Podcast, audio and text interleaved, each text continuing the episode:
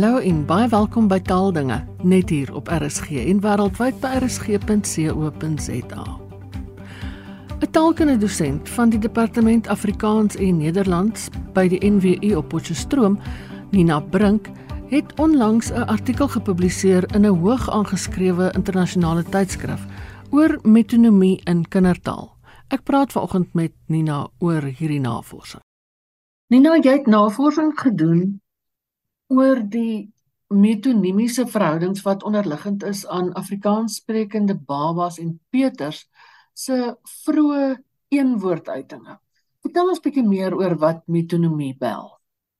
Ja, Ina, die definisie van metonomie binne die kognitiewe wetenskap is dat dit 'n kognitiewe proses is waar tydens een konseptuele entiteit toegang verskaf tot 'n ander konseptuele entiteit. Ek dink die meeste mense ken metonomie as 'n taalverskynsel waar die naam of term van een konsep gebruik word om na 'n ander konsep wat op een of ander manier daarmee verband hou te verwys. Dit is dus om 'n woord of frase te vervang met 'n ander woord of frase wat daarmee verband hou. Maar metonomie strek veel wyer as 'n blote manier van verwysing in taal.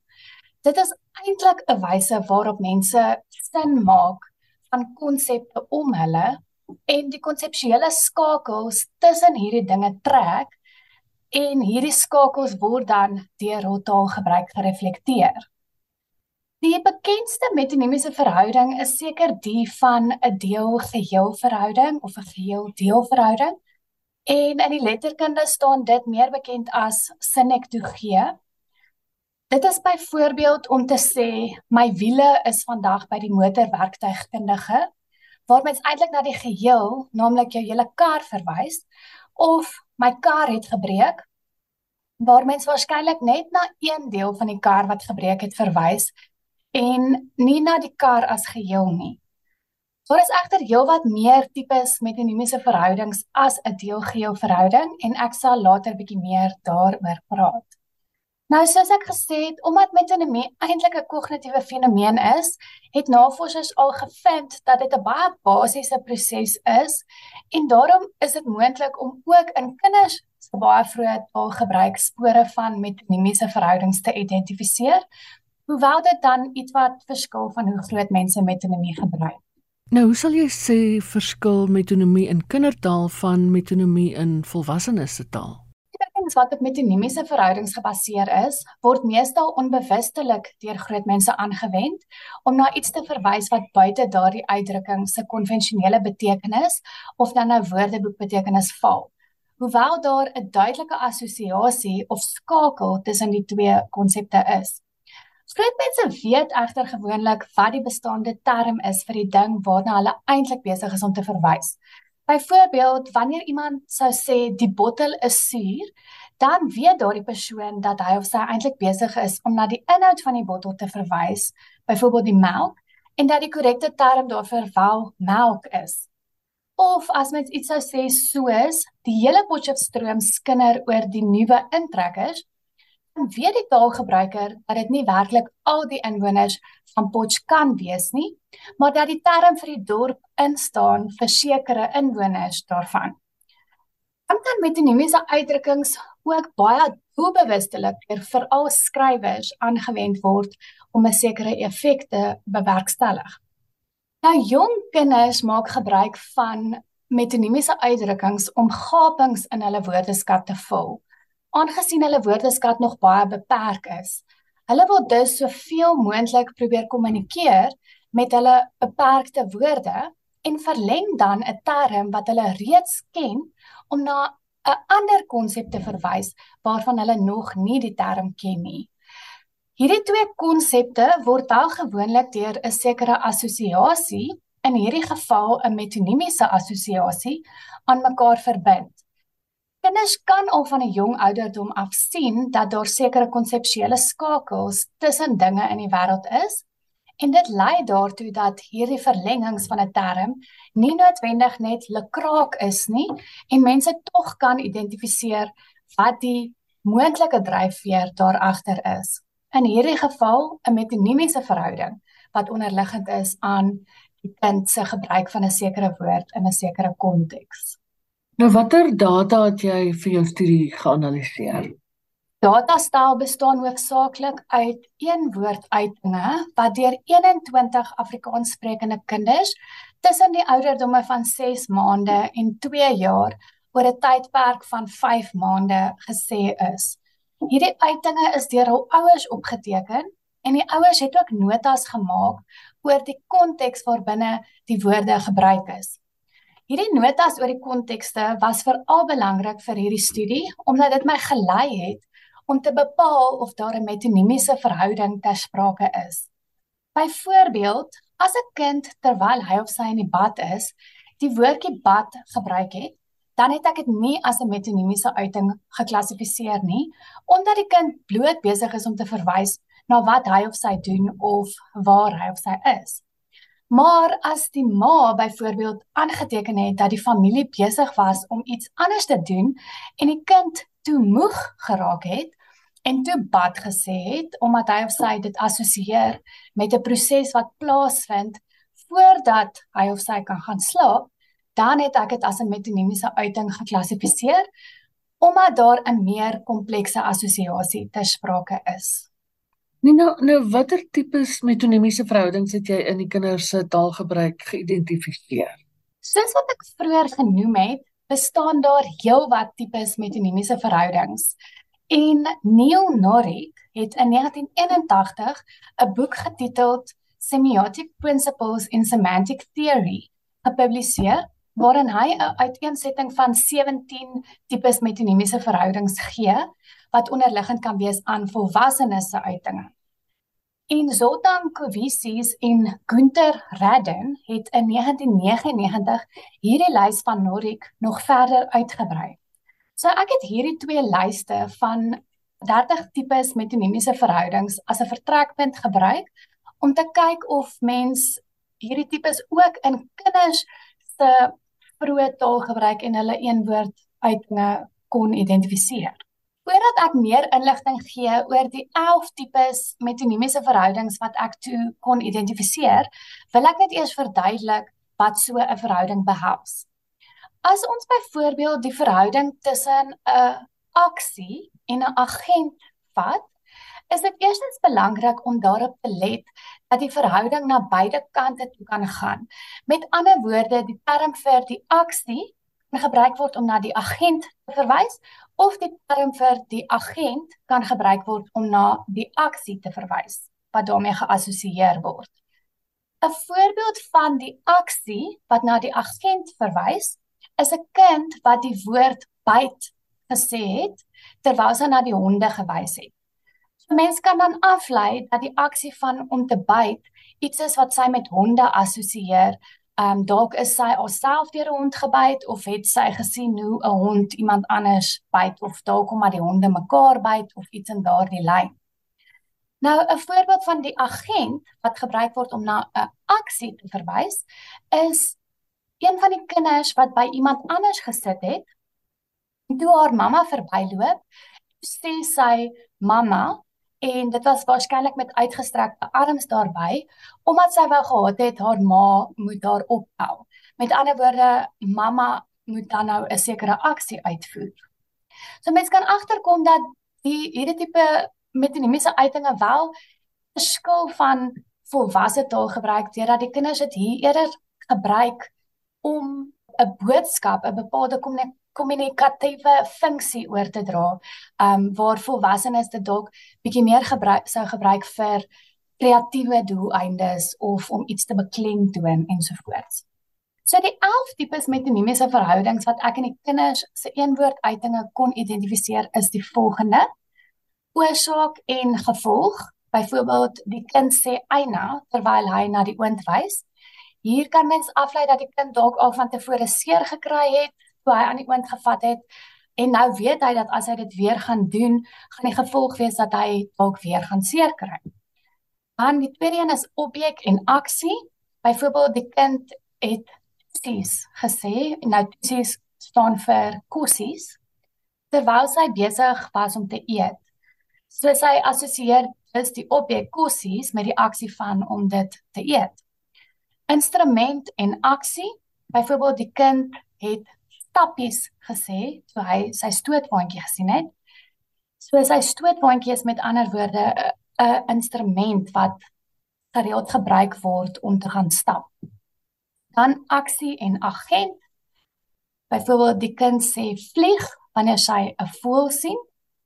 Ligging en 'n sekere beweging of aksie. Byvoorbeeld die kind sê nek wanneer sy wil hê haar ma moet prale om haar nek sit. Lid van 'n kategorie en die hele kategorie. Byvoorbeeld die kind gebruik hul hond se naam, naamlik Trixie, om na alle groot bruin honde te verwys. Definierende eienskap van 'n kategorie en die hele kategorie. Byvoorbeeld die kind noem 'n 'n noem 'n oorlosie 'n TikTok Uitinge wat op klanknabootsing gebaseer is, kom veral hier ter sprake, aangesien dit vir kinders 'n konkrete manier is om iets waarvan hulle nog nie die naam ken nie, te kan benoem of daarna te kan verwys. Maar die klank wat 'n ding maak, is 'n definieerde definierende eienskap van daardie kategorie en dit is hoekom ons dit ook as 'n metonimiese verhouding kan klassifiseer. Dan die volgende een was 'n subgebeurtenis en 'n hele gebeurtenis. Byvoorbeeld die kind sê braai wanneer sy pa vuur aansteek. Nou ek kan nie hier help om te dink so 'n bietjie tong in die kies te dink aan daai grappie van ehm um, nou gaan ons braai en ek dink die kind dink dalk ook so as sy pa besig is om die vuur aan te steek, dan weet hy daar's nou 'n hele proses wat nou gaan plaasvind en hy assosieer dan die aksie die gebeurtenis die, of of terwyl die subgebeurtenis van om 'n vuur aan te steek assosieer hy met die hele proses wat nou gaan plaasvind. Dan ehm um, inhoud en houer. Byvoorbeeld die kind sê tee wanneer hy sy bottel sien. Inwoner en plek. Die kind sê ouma Nini wanneer hulle verby haar huis ry. En die laaste een was besitter en besitting. Byvoorbeeld die kind sê mamma om te wys dat iets aan mamma behoort, byvoorbeeld mamma se klere, 'n stoel ensovoorts. So al hierdie tipes verhoudings wys vir ons dat die kinders sekere objekte, aksies, instrumente, eienskappe, kategorieë, prosesse ensovoorts met mekaar assosieer en in sommige van hierdie gevalle is dit ook nie noodwendig uniek tot kindertaal nie. Byvoorbeeld in die geval van inhoud en houer sal ons as groot mense ook maklik iets sê soos gee asseblief uh, my tee vir my aan waar ons eintlik verwys na die koppie waarin die tee is. Die vier tipes metonimiese verhoudings wat die meeste in die kinders se taalgebruik voorgekom het, was definierende eienskap van 'n kategorie en die hele kategorie, um lid van 'n kategorie en die hele kategorie, objek en aksie en instrument en aksie. Dit was nie noodwendig vir my verrassend dat hierdie vier die meeste voorgekom het nie, aangesien ons weet dat sulke jong kinders meer op konkrete as abstrakte assosiasies staat maak. Met ander woorde, hulle kan byvoorbeeld fisies sien dat groot bruin honde na mekaar lyk of hulle hoor wat 'n dier se geluid is en dan op grond daarvan assosieer hulle sekere konsepte met mekaar. Nou, wat word mense nou wys van hierdie studie oor jong kinders se taalgebruik? Dink baie ouers het al gehoor dat hulle kinders wanneer hulle net begin om taal aan te leer, sulke sekere woorde gebruik in 'n wyeer betekenis as waaraan ons in volwasse taal gewoond is. Byvoorbeeld, ek dink iets wat baie gereeld gebeur is as 'n kind na enige ander man verwys as pappa of as 'n kind 'n voorbeeld wat ek nog in my datastel gekry het was 'n kind wat na enige speserybottel verwys het as kaneel. Nou ouers sou miskien dink dat die kinders bloot taalfoute maak terwyl hulle nog besig is om taal aan te leer. Maar hierdie studie wys dat die kind moontlik 'n metonimiese assosiasie tussen die konsepte gemaak het. Soos die metonimiese verhouding tussen pappa en alle ander mans, die ehm um, tussen 'n lid van die kategorie en die hele kategorie. So in hierdie geval die die groot kategorie van mans en die metonimiese verhouding tussen kaneel en alle speserybottels is die tussen die inhoud van 'n houer en die houer. En in die voorbeeld van kaneel het die kind die assosiasie nog 'n stappie verder geneem deur om na, nou na alle speserybottels as kaneel te verwys. En dit impliseer dan 'n verdere metonimiese assosiasie tussen 'n lid van 'n sekere kategorie en dan die hele kategorie. So hierdie tipe assosiasies wys vir ons dat kinders goeie waarnemers is van hoe sekere konsepte en prosesse in hulle omgewing met mekaar verband hou en dat hulle hierdie assosiasies al van 'n jong ouderdom af kan identifiseer. Ek dink ons kan soms vir hulle so 'n bietjie meer krediet hiervoor gee en ehm um, dit nie net bloot as taalfoute beskou nie. Hulle is eintlik besig om sin te maak van die wêreld om hulle deur middel van allerlei interessante konseptualiseringsprosesse. Kan 'n mens 'n kind se taalontwikkeling stimuleer deur hierdie gebruike te bevorder of is daar nie iets wat 'n mens van uh, jy weet 'n eksterne mens kan doen soos 'n ma kan doen om hierdie metonomie by kinders byvoorbeeld te bevorder nie? My raad in daardie opsig sal wees dat ouers in die eerste plek moet kan raak sien. Wanneer is die kind besig om sekere skakelings tussen verskillende konsepte te maak? En dat 'n ouer met 'n kind baie aktief daaroor sal gesels. Want ons weet ook met kindertaalnavorsing en alles hoe belangrik is die insette wat kinders moet kry, die terugvoer wat hulle moet kry van hulle gespreksdeelnemers af. En in die navorsing, um, praat ons ook die term, die Engelse term wat gebruik word is die van joint attention. So dit gaan daaroor dat daar baie aktief moet jy saam met jou kind aandag gee aan 'n sekere ding en dan moet julle daaroor gesels. En met hierdie tipe goed, as jy dit sou raak sien. As jy sou raak sien dat jou kind byvoorbeeld vir alle honde sê wat ook al julle gesinshond se naam is en op so 'n manier verleng die kind 'n term op grond van 'n metonimiese assosiasie. Dan kan mens as ouer daaroor gesels met jou kind. Jy kan vir jou kind krediet daarvoor gee. Jy kan vir hulle sê: "Ja, ek sien, jy kan sien dat alle honde of alle honde wat so striksie lyk, like, een of ander verband skakeling het met Trixie en ja, mamma kan sien, jy sien raak dat Trixie bruin is en dis 'n hond en Trixie het hare en Trixie het dalk langerige bene en dit is ons troeteldier en mamma kan sien dat jy dit raak sien dat daar ander honde is wat ook so Trixie lyk. So half om dit 'n gesprekspunt te maak om om dit aan te help dat kinders ook kan sin maak en kan verstaan hoe skakel dinge bymekaar aan. Maar dan kan mens ook natuurlik wanneer jy daaroor gesels, kan jy dan ook wel vir jou kind sê, "Ja, mamma kan sien, jy sien alles lyk like, of hierdie honde lyk like soos Trixie, maar dit is nie Trixie nie. Trixie is net ons gesin se hond. Daai hond het seker 'n ander naam wat hulle gesin vir hulle gegee het." So, hmm. ek dink op hierdie manier kan mens definitief daardie taalverwerwingsproses en die konseptualiseringsproses waardeur hulle gaan, kan mens dan aanmoedig. Dit was Nina Brink van die NWU se Potchefstroom kampus. Net voor ons groet. Wil jy graag 'n gebruiker word op die Afrikaanse Wikipedia? Is jy onseker oor hoe om artikels te skep op die Wikipedia? Daar's nou aanlyn opleiding beskikbaar. Stuur net 'n e-pos aan sanita@akademie.co.za. Sanita S A N I T A by akademie.co.za. Sy sal 'n skakel stuur en jy kan deelneem aan die opleiding. Ek moet net weer sê as 'n mens vir Wikipedia skryf of artikels ontwikkel, doen jy dit vir die liefde van die saak. Daar's nie betaling betrokke nie. Dis dan al vir vandag. Geniet die res van die dag in RSG se geselskap.